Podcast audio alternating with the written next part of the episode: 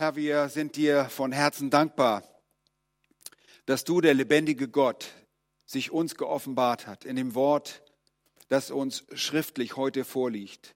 In unserer eigenen Sprache dürfen wir lesen davon, woher wir kommen und davon, wer wir sind und da, davon, was unser Schicksal ist, wohin wir gehen. Herr, du hast dich selbst darin geoffenbart als der ewige Gott, der Erste und der Letzte, der, der alles geschaffen hat und der, der alles zur Vollendung bringen wird. Und als solchen Gott, als den der Bibel beten wir dich an. Es gibt keine Götter neben dir. Es gibt nur Hirngespinste, Fantasien der Menschen. Fantasien, die aus dem Herzen der Menschen entspringen. Du bist der reale, du bist der einzige Gott. Wir beten dich an und kommen zu dir. Und Herr, als deine Kinder haben wir das große Privileg, auf dein Wort hören zu können, es lesen zu können, es beachten zu können, es anwenden zu können. Und dennoch gibt es auch manche Situationen in unserem Leben, wo wir dazu nicht in der Lage sind, deinem Wort Folge zu leisten, weil wir verzweifelt sind, weil wir auf uns selbst sehen, weil wir auf andere sehen, weil wir vielleicht auf den Feind sehen, der um uns herum ist. Und in solchen Zeiten sind wir auf dich angewiesen. In Zeiten der Verzweiflung brauchen wir dich mehr denn je. Herr, wir kommen zu dir und bitten, wie einst David, der Psalmist, der in zuversichtlichen Bitten vor deinen Thron gekommen ist und erlebt hat, während seiner Bitte, während seines Gebetes hast du ihm ein fröhliches, vertrauensvolles, vertrauensvolles äh, Zuversicht geschenkt, dass er wieder neu singen konnte, singen für dich. Herr, du bist derjenige, der uns wohltut und deshalb preisen wir dich und beten wir dich an. Ich bete, dass dein Wort jetzt auch an unsere Herzen reicht, dass es dahin kommt, wo du es haben möchtest und dass du bewirkst, wozu du es bestimmt hast. Wir lieben dich und beten dich an in Jesu Namen. Amen. Ja, wir wollen Psalm 13 lesen zusammen aus der Schlachterübersetzung. Psalm 13, dem Vorsänger, ein Psalm Davids. Wie lange, Jahwe, Willst du mich ganz vergessen? Wie lange verbirgst du dein Angesicht vor mir? Wie lange soll ich Sorgen hegen in meiner Seele, Kummer in meinem Herzen tragen, Tag für Tag? Wie lange soll mein Feind sich über mich erheben? Schau her und erhöre mich. Jahwe, mein Gott, erleuchte meine Augen, dass ich nicht in Todesschlaf versinke. Dass mein Feind nicht sagen kann, er habe mich überwältigt und meine Widersacher nicht frohlocken, weil ich wanke. Ich aber vertraue auf deine Gnade. Mein Herz soll frohlocken in deinem Heil. Ich will Jahwe singen, weil er mir wohlgetan hat. Soweit das Wort Gottes. Nun, dieser Psalm lässt sich wunderbar einteilen und ich schätze, dass ich das vor 37 Jahren auch aus diesem Grund gewählt habe, weil er sich sehr leicht einteilen lässt. Ich habe ihn in vier Teile eingeteilt, weil ein Teil die Überschrift einnimmt. Die schlichte, der schlichte Anfang, der schlichte Beginn dieses Psalms, in dem der Adressat und der Autor vorgestellt wird. Der Adressat ist hier ein Vorsänger. Nun, wir kennen das aus der Kirche, das ist die Bezeichnung, ein Kantor. Aber dieser Adressat, dieser Vorsänger ist nicht ein einzelner, ein bestimmtes Individuum, sondern es bezeichnet ein Amt, das von mehreren Männern in der Leitung des Musikdienstes bekleidet wurde und das in der Zeit der davidischen Herrschaft unter den Sängern wichtig war. Der Vorsänger beziehungsweise man könnte auch Dirigent sagen, ist für die technische und die künstlerische Koordination der mitwirkenden Musiker verantwortlich. Er gibt den Musikern die verbindlichen Tempi und er gestaltet den musikalischen Ausdruck. Über den Ursprung wissen wir Folgendes und wir lesen in 2. Samuel Kapitel 15, Vers 11, Vers 1, Entschuldigung, Vers 1. David baute sich Häuser in der Stadt Davids und er bereitete einen Ort für die Lade Gottes und schlug ein Zelt auf für sie. Vers 3. Darum versammelte David ganz Israel in Jerusalem, damit sie die Lade Jahwes an den Ort für, für sie bereiteten Ort hinaufbrächten. In Vers 15 lesen wir dann, und die Söhne der Leviten trugen die Lade Gottes auf ihren Schultern, indem sie die Stangen auf sich, auf sich legten, wie es Mose geboten hatte, nach dem Wort Jahwes. Und David befahl den Obersten der Leviten, dass sie ihre Brüder zu Sängern bestimmen sollten mit Musikinstrumenten, Harfen, Lauten und Zimbeln, damit sie sich hören ließen und die Stimme mit Freuden erhöben. Vers 21, Matidja aber, Eliphelehu, Miknea, Obed-Edom, Jechiel und Asaja mit Lauten auf der unteren Oktave als Vorsänger. Kenania aber der Oberste der Leviten beim Gesang, der unterwies im Gesang, denn er verstand es. Nun, dies waren also nicht nur Männer, die als Solisten vorsangen, sondern vielmehr Männer, die die große Zahl der bestimmten Sänger im Chor dirigierten, bestimmte Lieder einführten. Und an solchen, so einen Vorsänger oder Dirigenten übergab David nun seine musikalische Komposition, sein musikalisches Gebet. Und durch diesen Vorsänger fand das Gebet seinen Eingang in das ganze Volk. Denn für das Volk wurde gesungen. Es wurde gesungen und der Text kam so zu den Ohren des Volkes. Nun, der Vorsänger behielt diese Worte Davids nicht für sich. Es war nicht die Endstation. Nun, der Adressat ist aber nicht nur ein oder ein paar auserwählte Vorsänger aus dem Volk zur Zeit der Tempelliturgie, sondern das sind auch wir. Denn Gott hat es wohlgefallen, diesen Psalm im Kanon der vom Geist Gottes inspirierten Schriften festzuhalten. Du und ich sind angesprochen, wir sind herausgefordert und werden durch diesen Text ermutigt. Nun, Wer war der Autor? Es war David. Er wird uns hier mit Namen genannt. David selbst war ein begabter, musikalischer und mutiger Hirtenjunge, der aus dem Geschlecht Isais stammt und der zum zweiten König über das vereinte Israel eingesetzt wurde. Er war ein Mann, der in enger Gemeinschaft mit seinem Gott lebte. Nicht nur seinem Gott, übrigens auch unser Gott.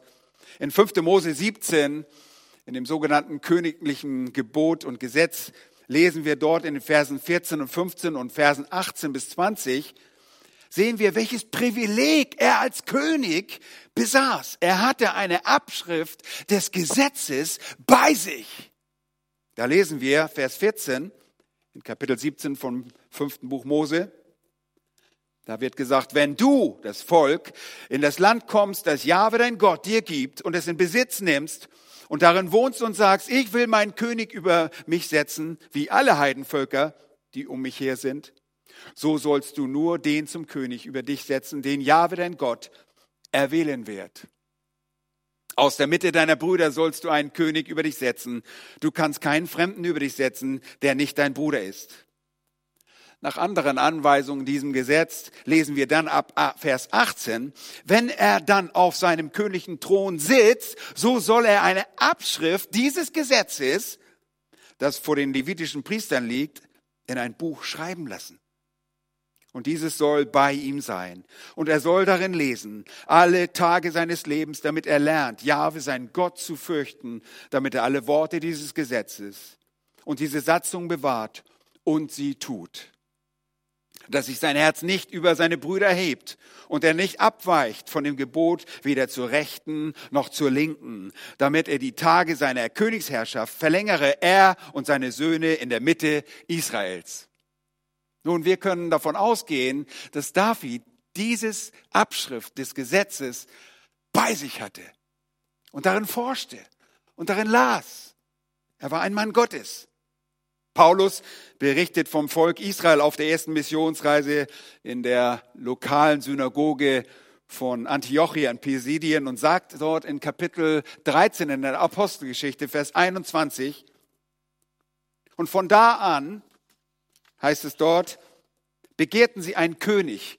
Er erzählt die Geschichte Israels und erzählt, dass sie einen König begehrten und Gott gab ihn Saul, den, den Sohn des Kis, ein Mann aus dem Stamm Benjamin, 40 Jahre lang.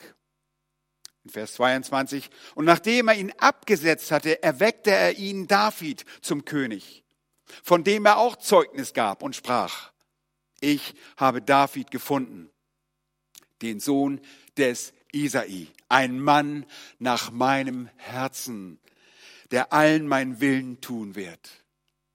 Eine wunderbare Bezeichnung für David, ein Mann nach dem Herzen Gottes, der allen meinen Willen tun wird. Dieser David war ein König, der den Herrn von Herzen liebte. Und das erkennt man wenn man auf den Seiten der Schrift und besonders in den wunderbaren Psalmen, in denen er, von denen er 73 zur Ehre Gottes selbst geschrieben hat. Und obwohl David den Herrn liebte, war er nicht von Schwierigkeiten und in Bezug auf menschliche Verzweiflung immun. Er war ein Mensch wie du und ich. Nein, gerade weil er mit dem Herrn lebte, erlitt er auch viel Widerstand. Er erlitt Verfolgung. Und er kam in die Situation, wo er durchaus und überaus verzweifelt war. Und es gibt etliche Berichte in der Schrift, die davon zeugen, wie schwierig das Leben dieses gottesfürchtigen Königs war. Ich gehe etwas später noch darauf ein. Aber lasst uns einmal sehen, was wir aus diesem Psalmlied, was wir aus diesem Psalmlied äh, sehen können, was wir diesem Psalm abgewinnen können. Der zweite Punkt ist das verzweifelte Befragen des Herrn. Das verzweifelte Befragen des Herrn. Da heißt es, wie lange, Jahwe, willst du mich ganz oder immer oder für immer vergessen? Wie lange verbirgst du dein Angesicht vor mir? Nun in Versen zwei und drei den dritten Vers lese ich später, erhalten wir einen guten Einblick in das Innere des Königs, indem wir seine verzweifelten Fragen betrachten. Und es sind vier Fragen beziehungsweise vier Klagen, die mit einem Wie lange beginnen. Wie lange, bis wann soll das so weitergehen, dass ich verzweifelt bin? Und das Erste, was wir sehen, ist, Verzweifelte und das ist typisch, nicht nur für einen Mann, für diesen Mann, sondern auch für alle Verzweifelten. Verzweifelte verkennen temporär die Allwissenheit, beziehungsweise auch die Allgegenwart Gottes. Ich sage es nochmal, der erste Punkt, und ihr könnt es mitschreiben in euren Blättern, wenn ihr sie ausgedruckt habt. Verzweifelte verkennen temporär die Allwissenheit oder die Allgegenwart Gottes. Und deshalb stellen sie diese Frage aus Vers 2. Wie lange, Jahwe, willst du mich ganz vergessen? Wie lange willst du mich für immer vergessen? In der ersten Klage und eine Frage, wie lange, zeigt uns David allerdings auch, dass es ein bestimmtes Grundvertrauen gibt. In seiner Verzweiflung ist sein Vertrauen nicht völlig erloschen. Er wendet sich an Jahwe, an Jahwe Gott, der Gott Israels, war auch der Gott Davids. Er ist der ewige, der präexistente Gott, der kein Anfang noch Ende hat. Jahwe hatte sich zuvor seinem Volk mit seinem Namen Jahwe zu erkennen gegeben. Ein Name, der sich von seiner, der von seiner Treue zeugt. Denn er hält, was er zusagt. Er zeigt sich damit als bündnishaltender Gott mit seinem Volk Israel er ist damit der sich erweisende Gott. Ein Gott, der treu ist, der erweist sich auch. Er erweist sich mit all seinen Eigenschaften und seinem ganzen heiligen Wesen. Und das Gedenken an den Namen Gottes sollte David schon an diese Dinge erinnern. Aber das konnte er gerade nicht. Er hatte die Scheuklappen der schwierigen Umstände des, der Bedrohung aufgesetzt und formuliert in seiner Frage eine komplizierte Herzensangelegenheit. Willst du mich ganz vergessen? Kann Gott vergessen? Natürlich nicht. Denn er umgibt seinen Gesalbten zu jeder Zeit und er weiß alles. Er ist nach dem Gesamtzeugnis der Heiligen Schrift der Allwissende. Er weiß. Gott vergisst nur, wenn er sich bei der Vergebung hinsichtlich unserer Sünden dazu entscheidet der Sünde nicht mehr zu gedenken. Und deshalb betet David auch an anderer Stelle im Psalm 25, Vers 7, gedenke nicht an die Sünden meiner Jugend und an meine Übertretung, gedenke aber an mich nach deiner Gnade, um deiner Güte willen, Jahwe. Hier in den Versen 2 und 3 sehen wir die Perspektive eines Verzweifelten, der verzweifelte David. Und David wusste das besser, als es seine fragende Klage gegen Jahwe andeutet. Vielmehr zeigt die erste wie lange Frage den nach außen tretenden Zustand seines komplizierten Seelenzustandes auf. Martin Luther schreibt diesen Seelenzustand, beschreibt diesen Seelenzustand kurz und treffend als Angstgefühl des göttlichen Zornes, wo Zitat die Hoffnung selbst verzweifelt und die Verzweiflung dennoch hoffet. Ihr Lieben, es gibt in der Tat solche Situationen in unserem Leben, die uns die Verzweiflung in Verzweiflung bringen und wir geradezu blind für die Wahrheiten und die Herrlichkeit der Allwissenheit, der Allgegenwart Gottes sind. Wenn Gott überall ist und alles weiß, dann gibt es keinen Grund, verzweifelt zu sein. Er ist da und weiß deshalb auch alles. Und seine Allgegenwart bringt die Tatsachen seiner Allwissenheit auch mit sich.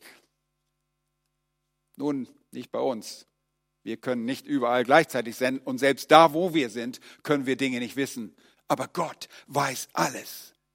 David in seiner Verzweiflung macht aber nicht alles falsch, sondern er zeigt uns, wie es geht, wenn wir auf ähnliche Weise der Verzweiflung erlegen sind. David wendet sich im Gebet an Jahwe. Und er fertigt aus der Erfahrung ein der Realität entsprechendes Lied zur Ehre Gottes an. Nun, er beschönigt hier nichts. Er besingt das, was er erfahren hat und gibt es sogar weiter dem Vorsänger. Und so gelangt es zum Volk, so gelangt es in unsere Hände. Und er besingt noch ganz andere Dinge, wie wir wissen. Er besingt seine Sünde, seine Verfehlung und seine Buße. David wendet sich an Gott. Und David trifft dabei auf den Nerv seiner Leser und all derer, die dieses Psalmlied singen. Singen, hören oder aber auch lesen. Seine Erfahrung ist nicht lebensfern. Sie ist kein erdachtes Gedankengebäude. Sie ist keine Fantasie. Ihr Lieben, vor 37 Jahren, als ich diesen Psalm gepredigt habe, wusste ich nichts von Verzweiflung. Nun, mittlerweile habe ich manches Mal selbst gezweifelt, an mir selbst gezweifelt. Und das hat mich in Verzweiflung gebracht, gebracht, wenn ich mich selbst betrachte. Aber hier gleich zu Beginn werden wir gewarnt und darauf hingewiesen, wer unsere Anlaufstelle sein sollte in solchen Situationen. Es ist Jahwe, der drei eine Gott selbst. Nun, du magst in einer Verzweiflung zu deinem besten Freund laufen. Und das ist okay, solange dein Freund dich zum Herrn führt und dein bester Freund dich zum Herrn schickt oder mit dir zusammen betet. Aber der Mensch allein ist ohnmächtig und seine Hilfe für den Verzweifelten ist bestenfalls ein Trostpflaster für den Klagenden. Deshalb gehen wir zum Allmächtigen, Allwissenden, Allgegenwärtigen. Und das Zweite ist das verzweifelte Verkennen temporär die erhabene Aufsicht Gottes seinen Hirtendienst. Und deshalb stellen sie die Frage, wie lange verbirgst du dein Angesicht vor mir? Verzweifelte verkennen temporär die erhabene Aufsicht Gottes, seinen Hirtendienst, den er ausübt über seinen Kindern. Das ist der Grund, warum David hier diese Frage stellt. Wie lange verbirgst du dein Angesicht vor mir? Der verzweifelte Mensch denkt nicht nur, dass Gott ihn vergessen hat und nicht gegenwärtig ist, sondern dass sich Jahwe Gott ihm gegenüber verbirgt, dass sich Gott abwendet. Ihr Lieben, das tut Gott zwar immer dann, wenn ein Mensch sich von ihm abwendet, bei gottlosen Menschen aber niemals handelt Gott so gegenüber seinen Kindern.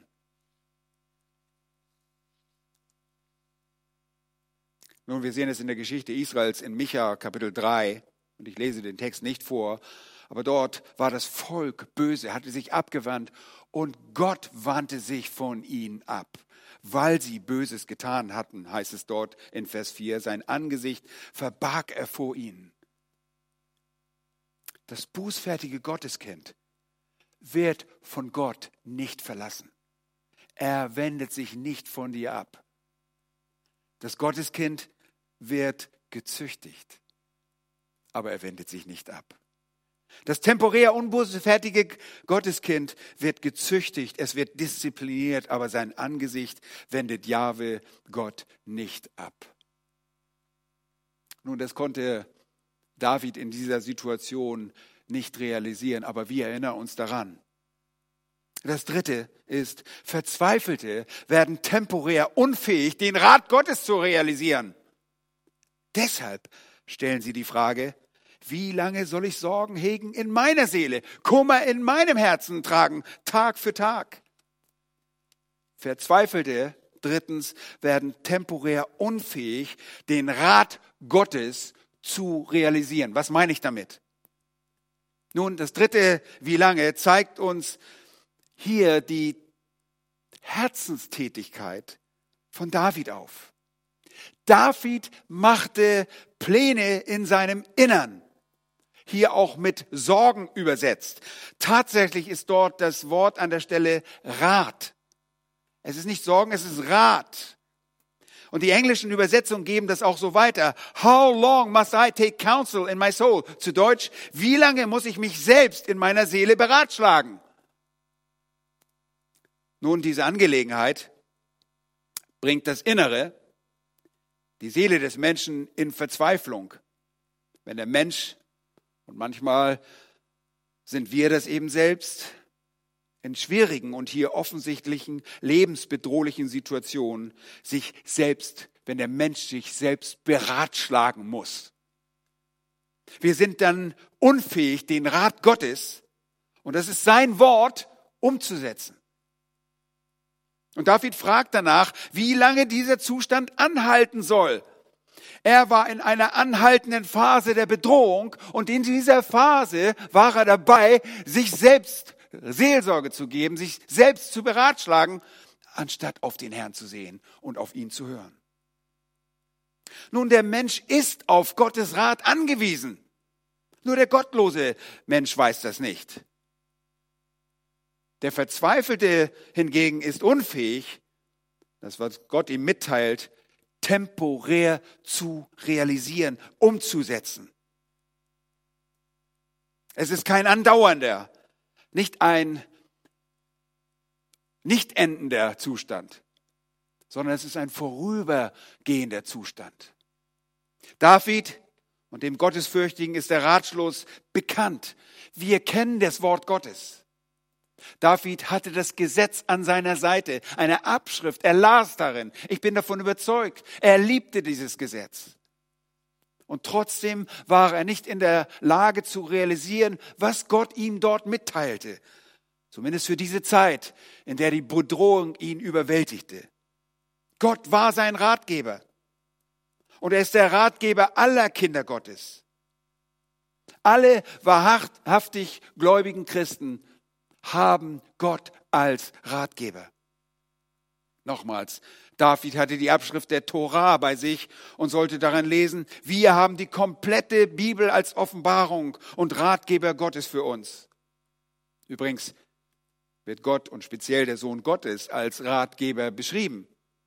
Und zwar wo? In Jesaja, Kapitel 9 und Vers 5 spricht von dem Herrn als Ratgeber. Da heißt es, denn ein Kind ist uns geboren, ein Sohn ist uns gegeben und die Herrschaft ruht auf seiner Schulter und man nennt seinen Namen wunderbarer Ratgeber, starker Gott, ewig Vater, Friedefürst. Wir suchen den Rat bei diesem Kind. Aber wie suchen wir den Rat dieses mittlerweile aufgewachsenen Kindes, das zu seinem himmlischen Vater zurückgekehrt ist? Die Antwort ist einfach. Wir suchen seinen Rat, den Rat des Herrn Jesus auf den Seiten der Heiligen Schrift. Denn sie ist das Wort des Christus.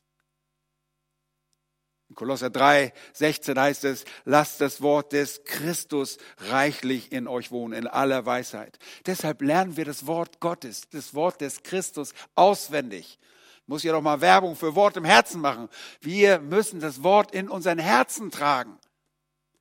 Bitte, nehmt es ernst. Wir suchen Rat bei ihm.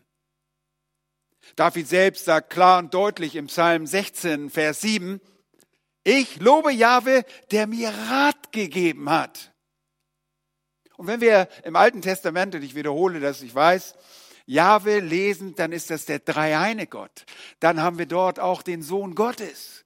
Er ist unser Ratgeber, der Vater, der Sohn und der Heilige Geist. David wusste, dass er auf die Ratschläge angewiesen war, aber war jetzt in seiner Verzweiflung und bei der Suche nach Antworten durch seine Selbstberatschlagung voller Kummer und das den ganzen Tag über. Er war temporär durch die Umstände so bedrückt, dass es ihm schwer fiel, das Sorgen dem Allmächtigen, das Sorgen dem El Shaddai zu überlassen. Und das Tag für Tag in der Schlachter könnte sich auf die Tageszeiten beziehen, im Gegensatz zu den Nächten. Der erste Teil des Verses impliziert somit, dass das Sorgen, die Selbstberatschlagung in der Nacht stattfand und dass sich der Kummer seines Herzens am Tag ausdrückte. Nun, wie auch immer man das sieht, sein Seelenleben war ein lang anhaltendes, verzweifeltes Dasein. Und das schüttet er im Gebet an der richtigen Stelle aus. Kummer, Ärger, Mühe und Probleme, die er in seinem Herzen erlebte, kennzeichnen gerade sein Leben. Und sie waren eine wiederkehrende Drangsal für ihn. Im Psalm 31, Vers 11 benutzt er dieses eher selten verwendete hebräische Wort für Kummer und sagt, ich lese von Vers 10 dort, sei mir gnädig, Jahwe, denn mir ist Angst. Vor Gram sind schwach geworden meine Augen, meine Seele und mein Leib, denn mein Leben ist dahingeschwunden in Kummer. Und meine Jahre mit Seufzen, meine Kraft ist gebrochen durch meine Schuld und meine Gebeine sind schwach geworden. Ihr Lieben, dieser so mächtige Kriegsmann, dieser gefeierte Held Gottes, der Mann Gottes, den, den Gott so lieb hatte, war auch ein Mann der Angst, ein Mann der Schwäche und des Seufzens. Und er war auch aufgrund von Schuld ein gebrochener Mann. Er war ein alternder Mann. Nun hier in unserem Psalm, Vers 13, wissen wir bis und mit bis zu dieser dritten Frage noch nicht genau, was nun der Umstand für Davids Verzweiflung ist. Warum befindet er sich in dieser Misere? Was ist der Grund für seine Verzweiflung? Nun, wie kommen wir darauf? Wir kommen auf der Suche nach Erklärung dafür durch die vierte Frage ein wenig näher. Auch wenn uns da nicht alle Details bekannt werden, dazu schauen wir uns die zweite Hälfte von Vers 3 an. Und den vierten Punkt. Verzweifelte werden temporär unfähig, die Macht des Feindes zu dulden bzw. zu tragen. Verzweifelte werden temporär unfähig, die Macht des Feindes zu dulden zu tragen. Deshalb stellen sie die Frage, wie lange soll mein Feind sich über mich erheben? Wie lange? Wie lange soll das anhalten?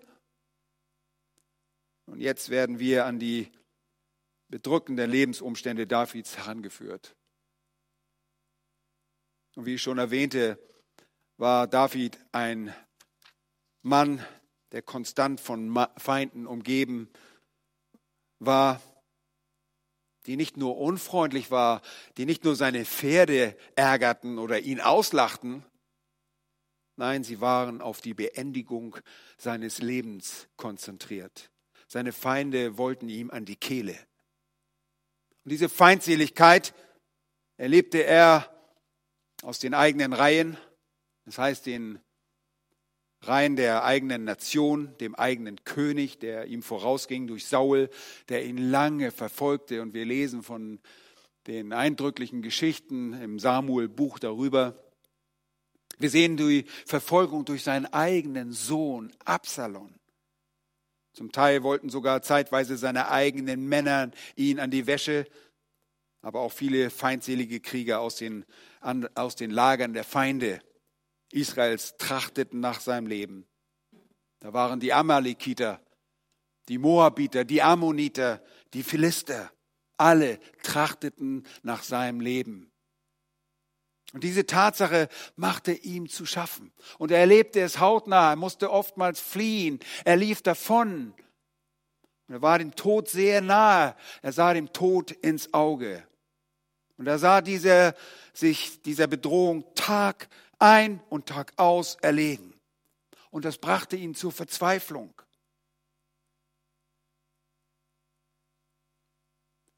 Nun, wir lesen davon, dass David sich zu einer Zeit vor den eigenen Männern schützen musste. Als die Amalekiter nach Zikla in das Südland eindrangen, dort alles verbrannten, die Frauen und Kinder verschleppten, wollten ihn sogar seine eigenen Leute steinigen. Und dann ist da, ist da ein so ein ermutigender Vers in 1 Samuel Kapitel 30, ich glaube Vers 6 war das. Ähm, und David stärkte sich im Namen Jahwes oder er stärkte sich. Und wie machte er das? Er ging im Gebet zu seinem Herrn, zu seinem Gott. Und er brachte alle seine Klagen, er brachte alle seine Not vor ihn. Er breitete alles aus. Und wie hier, so verwandelt der Herr tatsächlich und antwortet der Herr, verwandelt sein Herz. Und das nächste, was wir sehen, ist, dass David zuversichtlich seine Bitten vor den Herrn bringt, die Versen 4 und 5.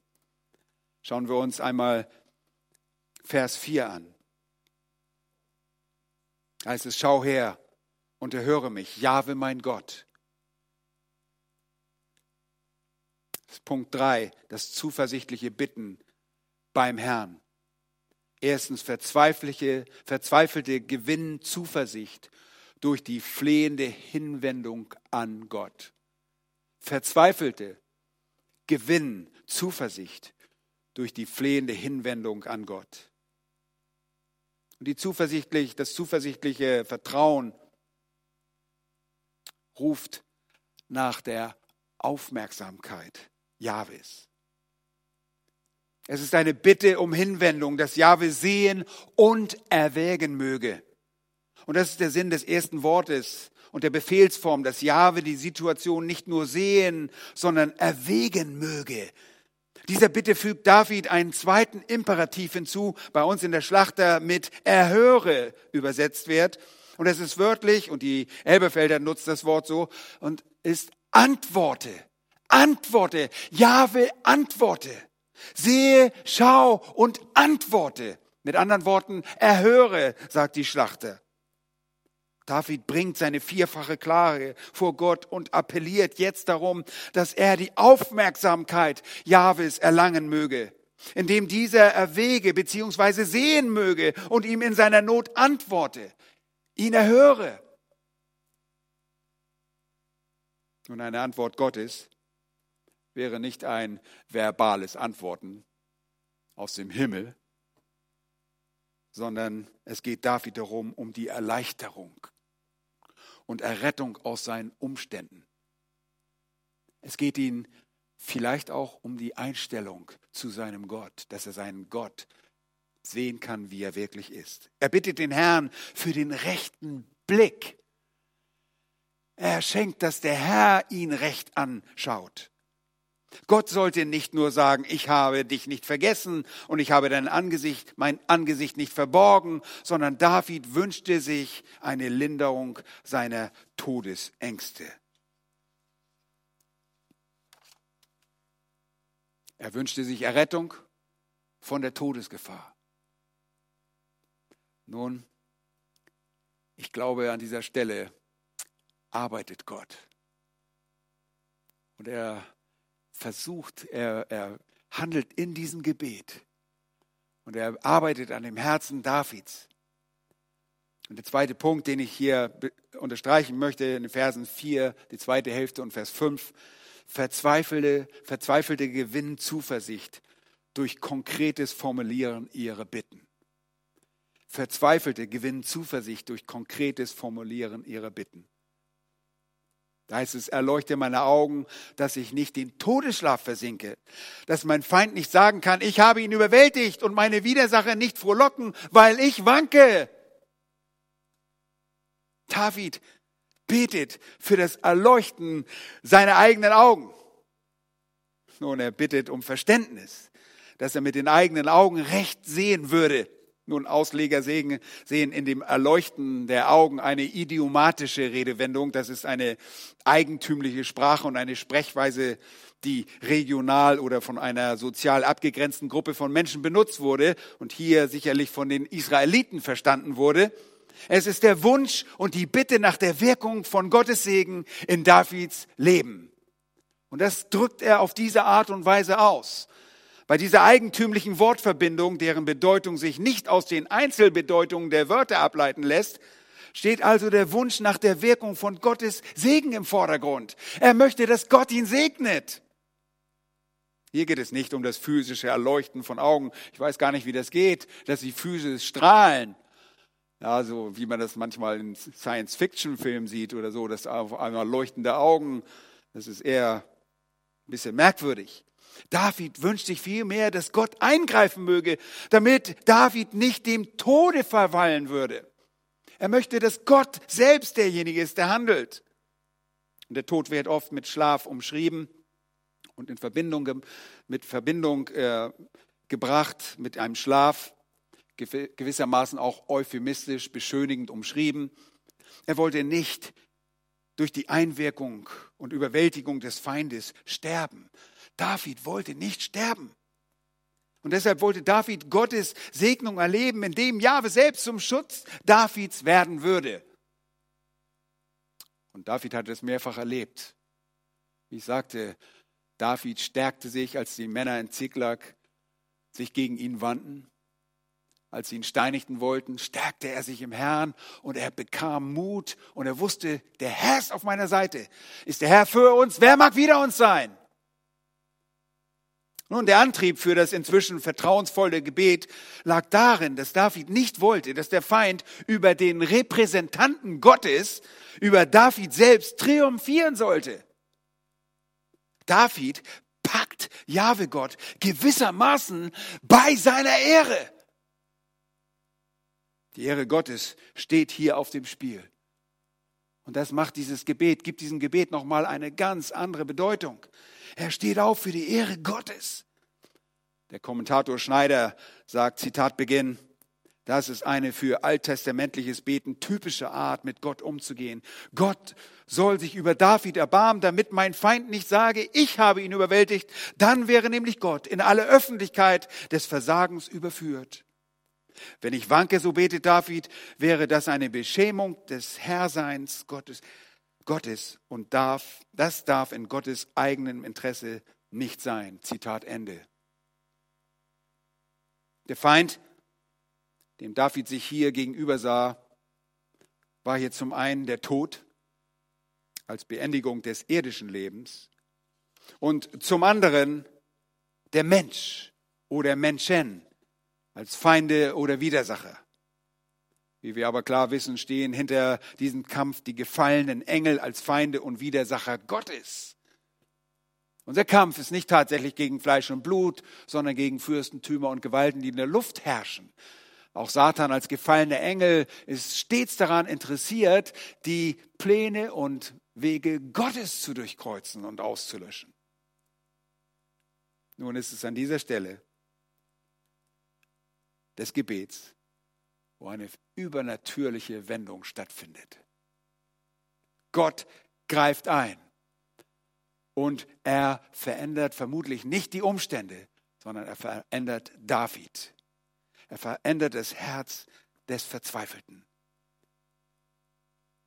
Nun, er verändert die Schau Davids. Und das Gebet ist gerade mal sechs Verse lang. Aber vor seinem Ende ist David, der Verzweifelte, getröstet und ermutigt und voller Freude. Und der Titel meiner Predigt lautet auch deshalb, Verzweiflung wendet sich im Gebet zum fröhlichen Vertrauen. Hier ist ein absolut verzweifelter Mensch, der Fragen gegen Gott vorbringt, eine klagende Frage an Gott vorbringt und innerhalb dieser kurzen Zeit so verändert wird in seinem Herzen, dass es jetzt zu einem, zum Ausdruck kommt. Der sorgenvolle, selbstberatschlagende David, gerade noch vom ständigen Kummer seines Herzens in Verzweiflung, ist jetzt wie ausgetauscht. Er vertraut, er jubelt und er singt. Er schreibt diesen Psalm, vielleicht schreibt er auch das Gebet nur gerade auf und wird vom Geist Gottes gepackt und neu auf den dreieinigen Gott ausgerichtet und erkennt das, was Gott ihm an Rat gibt. Das ist der vierte Punkt, das fröhliche, vertrauensvolle Besingen des Herrn das fröhliche, vertrauensvolle Besingen des Herrn. Erstens, und ich möchte das gleich in eine Anwendung münzen, vertraue du erneut, muss ich sagen, auf Gottes Gnade. Vers 6, der erste Teil. Ich aber vertraue auf deine Gnade. Statt zu wanken und statt zu sterben, statt dem Tode zu erlegen Statt weiter in Kummer zu verharren und verzweifelt zu sein, sagt er, ich aber. Eine völlig unerwartete Wendung in diesem Psalm, in diesen sechs Versen. Und deshalb rufe ich dich auf, vertraue auch du, wenn du verzweifelt bist, erneut auf die Gnade Gottes. David, der in den ersten Versen nicht in der Lage war, Jahwe Gott vollends zu vertrauen, erhält die Fähigkeit des Vertrauens, des vollen Vertrauens zurück. Warum? Weil er sich inmitten seiner Prüfung und Notlage an die richtige Person wendete. Ihr Lieben, wenn ihr zu uns in die Seelsorge kommt, dann ist es unsere Aufgabe, euch zum Herrn zu bringen. Es sind nicht meine, es sind nicht Daniels, es sind nicht Sams Ratschläge. Es ist der Ratschlag der Ratschluss unseres Herrn, den ihr verstehen müsst. Das ist die Seelsorge. Und deshalb vertraue du auf Gottes Gnade. David wusste sehr wohl, dass der Gottlose viele Plagen hat. Wer aber Jahwe vertraut, den wird er mit Gnade umgeben. So schreibt er das im Psalm Vers 2, Kapitel 32, Vers 10. Das in unserem Text verwendete Wort Gnade, Chesed, wird gebraucht, um die Zuneigung der Liebe, die Gunst oder Gnade Gottes in Verbindung mit der besonderen Not Davids zu betonen. David vertraute auf diese liebende Gunst Gottes. Und diese Wiederkehr des Vertrauens geschah inmitten seines Gebetes. Jahwe griff ein. Und die Erhörung, die Antwort auf seine zuversichtliche Bitte lässt nicht warten. Ist das nicht wunderbar? Gott ist so gut, er ist so gnädig. Und er schenkt diesem Mann, der gerade noch verzweifelt war, dieses Vertrauen. Jahwe verändert die Sichtweise Davids. Nicht so sehr die bedrohlichen Umstände durch die Feinde, sondern die aus dem Gleichgewicht geratene Perspektive wird jetzt richtiggestellt. Das unscharfe Sehen endet in einer klaren Sehfähigkeit. Auf diese Gnade vertraute David und auf diese Gnade wirst auch du erneut vertrauen, wenn du inmitten der Verzweiflung in deinem Gebet zu Gott kommst. Und das ist eine Erfahrung, die uns wiederholt erfahren ist oder widerfahren ist. Das ist tatsächlich so. Und ich glaube, das ist genau das, was David tat, als er sich im Herrn stärkte, als er sich im Namen Jahwes stärkte. Er ging ins Gebet. Er brachte alle seine Anliegen zu Gott, brachte seine Bitten zu Gott. Und es ist nicht nur, dass Gott irgendwelche äußeren Umstände änderte, sondern er verändert das Herzen des Beters. Und du wirst dich nach deiner Wiederherstellung aus tiefster Verzweiflung deinen Gott wieder, du wirst ihn wieder richtig sehen, ihn erkennen, wie er tatsächlich ist. Die gerade noch verzweifelte Seele, das bekümmerte Herz wird durch neue geistliche Sehschärfe zum Vertrauen geführt, das sich in Jubel und Lobgesandt ausdrückt. Der Herr ist gegenwärtig. Er bleibt der Hirte und hilft aus dem dunklen Tal des Todes wieder heraus. Das drückt David auch im Psalm 23 aus. Und ob ich schon wanderte im finsteren Todestal. Seht ihr, wir kommen in solche Zeiten. Wir haben Zeiten der Verzweiflung. Und ihr dürft verzweifelt sein. Aber in solchen Situationen wendet euch an euren Gott, an den Allmächtigen. Dein Blick für den Feind wird sich korrigieren. Die Erkenntnis, dass selbst dem ärgsten Feind die Macht genommen ist, wird dein Bewusstsein beherrschen, wenn Gott eingreift. Wir erinnern uns an die Worte aus 1. Korinther 15, 54 und 55, wenn aber dieses Verwesliche Unverweslichkeit anziehen und dieses Sterbliche Unsterblichkeit anziehen wird, dann wird das Wort erfüllt werden, das geschrieben scheint. Der Tod ist verschlungen in Sieg. Tod, wo ist dein Stachel? Totenreich, wo ist dein Sieg? Der Tod ist nicht mehr unser Feind. Seht ihr, die äußerlichen Umstände in deinem Leben müssen sich dafür nicht einmal ändern. Gott verändert dein Herz, dein Inneres, dein Denken. Und du wirst selbst mit der größten menschlichen Bedrohung als Kind Gottes fertig. Und warum können wir das? Weil dem Satan, der alten Schlange, die Macht genommen wurde und weil ihm am Kreuz auf Golgatha vor gut 2000 Jahren der Kopf zertreten wurde. Der Sieg ist der unsere. Wir stehen in der Kampfarena und gehen als Kinder Gottes, als Sieger hervor. Wir sind Überwinder. Und das führt mich auch zu meinem zweiten Teil des sechsten Verses. Jubel erneut über dein Heil oder frohlocke über dein Heil. Da heißt es, mein Herz soll frohlocken in deinem Heil. Jubel erneut über dein Heil. Warum erneut? Wir haben schon mal, als wir gerettet wurden, haben wir uns schon einmal über das Heil gefreut.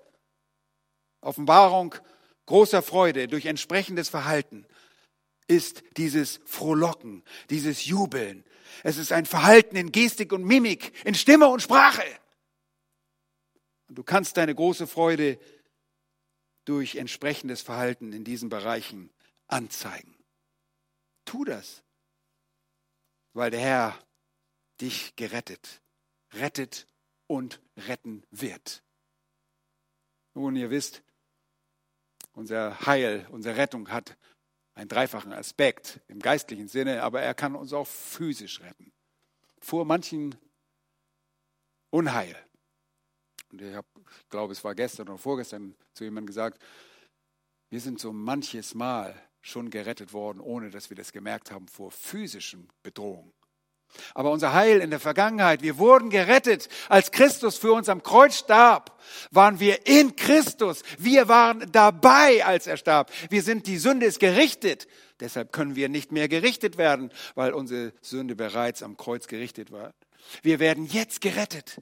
Fortlaufend in der Heiligung schreiten wir fort und wir werden ultimativ gerettet in der endgültigen Errettung, wenn wir einen neuen Leib, einen Auferstehungsleib bekommen werden. Das Wort Heil hier in unserem Text ist Jeshua, von dem wir auch das Wort Jesus bekommen, unseren Herrn Jesus oder Josua ableiten. Sicherlich konnte sich David über so manche gewonnene Schlacht freuen, aber mehr als das stand ihm die Gewissheit des ewigen Lebens, die Vergebung seiner Schuld vor Augen. Deshalb konnte er wieder jubeln. Und deshalb jubel auch du erneut, wenn du aus Verzweiflung heraustrittst und drück es aus. Drittens, singe wieder für Jahwe, weil er dir wohltut. Singe wieder für Jahwe, weil er dir wohltut. Ausdruck der großen Freude geschieht auch durch das Singen. Da heißt es, ich will Jahwe singen, weil er mir wohl getan hat. Es geht David darum, Jahwe zu singen für ihn. Jahwe wird auch wieder dein wichtigster Zuhörer sein. Du wirst nicht für dich oder für andere in erster Linie singen, sondern deine Freude wirst du mit Gesang deinem dreieinigen Gott gegenüber ausdrücken. Ihm zur Ehre. Denn nicht du selbst, nicht dein Nächster, sondern er allein, der sich erweisende Gott, hat dir wohltan und hatte auch dem David wohlgetan. Und diese Wohltat erlebte David offenbar in dem Gebet, dass er den Sinn Davids wieder zurechtgerückt hatte. Darin erlebte er das. Im Psalm 116, Vers 7 fordert der Psalmist sich selbst dazu auf. Er sagt, kehre zurück, meine Seele, zu deiner Ruhe, denn Jahwe hat dir wohlgetan. Ihr Lieben, wir müssen uns anpredigen. Das kannst auch du tun, egal in welchen Umständen deines Lebens du bist. Predige dich an und zähl das auf, was dir der Herr schon alles Gutes getan hat. Du kannst singen, weil dir schon so viel Gutes widerfahren ist.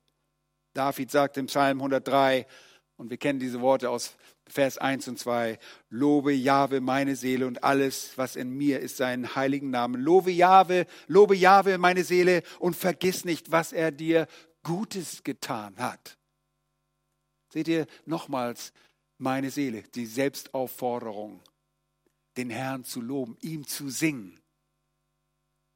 Seht ihr, auch David fordert sich selbst dazu auf, nicht zu vergessen, Jahwe zu loben, weil er ihm selbst viel Gutes getan hatte. Und dann fängt er an im Psalm 103 über die größte, mit der größten Wohltat. Was ist das Allergrößte? Er sagt, der dir alle deine Sünden vergibt. Besinne dich auf das inmitten aller Schwierigkeiten und jeder Schreckensnachricht. Bei all deiner Zweifel wird das relativiert, wenn du weißt, er hat dir deine Sünden vergeben und er wird sie dir vergeben. Ihr Lieben, alles andere verblasst dabei. Das bringt uns zum Singen. Und ihr Lieben, wenn wir nicht äußerlich singen können, weil wir einen die monotone Stimme haben und die andere, eine andere Person vielleicht zweistimmig gleichzeitig singt, dann könnt ihr es in eurem Herzen tun. Wir sollen dem Herrn in unserem Herzen singen. Und das können wir. Wir können das Wort Gottes bewegen und selbst das Wort Gottes nehmen, um dem Herrn zu singen, für ihn, ihm Dank zu sagen. Und das ist das Wunderbare. Der Herr ist dabei, uns zu verändern, wenn wir zu ihm kommen. Der Verzweifelte wird verändert. Er wendet die Verzweiflung im Gebet zu einem fröhlichen Vertrauen. Ist das nicht gute Nachricht? Nun, ich habe jetzt zu Kindern Gottes geredet, wenn du kein Kind Gottes bist und ein verzweifelter Mensch bist und du solltest verzweifelt sein, wenn du Gott nicht kennst dann wende dich an Gott. Ein gebrochenes Herz, wenn du überführt bist davon, wer du bist, wenn du erkennst, wer du vor Gott bist, dass du ein elender Sünder bist, wie du, wie ich und alle anderen auch, dann komm zu Gott. Bitte ihn, dass er sich deiner annimmt. Bitte ihn um Vergebung. Er wird es tun. Und du wirst genauso singen können. Du wirst jubilieren können über das Heil Du wirst singen können vor Freude, weil er dir Leben schenken möchte. Du bist nicht in Gefahr, ein Coronavirus einzufangen, dich zu infizieren. Du stehst in der Gefahr, als Sünder zu sterben und in die ewige Verdammnis zu gehen. Deshalb wende dich dem lebendigen Gott zu, ehe es zu spät ist. Jetzt ist die Zeit des Heils. Heute ist die Zeit des Heils. Gott ist gnädig. Er ist gütig. Und er kann deiner Verzweiflung, deiner Sinnlosigkeit ein Ende machen. Lass mich mit euch beten. Herr, wir sind dir so dankbar, dass du uns gezeigt hast, wie mächtig du bist. Herr, es geht in diesem Psalm um dich. Du hast erhört, du hast nicht vergessen, du hast dein Angesicht nicht abgewandt. Du hast Ratschläge auch für David gehabt, auch für uns, für unsere Seelen. Wir können uns nicht selbst beratschlagen. Du bist stärker als der größte Feind, ob es der Satan ist oder seine gefallenen Dämonen, ob es Menschen sind, die in seinem Namen handeln. Du bist größer. Du bist Jahwe Gott, der Selbsterweisende, der Mächtige. Du bist Gott. Es gibt keine Götter neben dir. Du bist der Alleinige. Und Herr, wir wollen für deine Ehre eintreten, wie es David hier tat, auf eine so Art versteckte Art und Weise, die wir zunächst gar nicht erstmal wahrnehmen. Aber er wollte nicht wanken, er wollte nicht den Tod sehen, weil deine Ehre auf dem Spiel stand. Herr, und so wollen wir dir vertrauen. Wir trauen auf deine Gnade, denn ohne deine Gnade können wir nicht bestehen. Wir frohlocken über deinem Heil, denn ohne deine Rettung sind wir tot und von ewig von dir getrennt. Herr, wir, wir wollen dir auch singen in unseren Herzen und auch zusammen, gemeinsam. Wir wollen es auch nach außen hin tun, weil du mir wohlgetan hast, weil du uns wohlgetan hast, weil du uns Rettung geschenkt hast, die Vergebung unserer Sünden. Gelobt und gepriesen sei dein Name. Wir beten dich an. In Jesu Namen. Amen.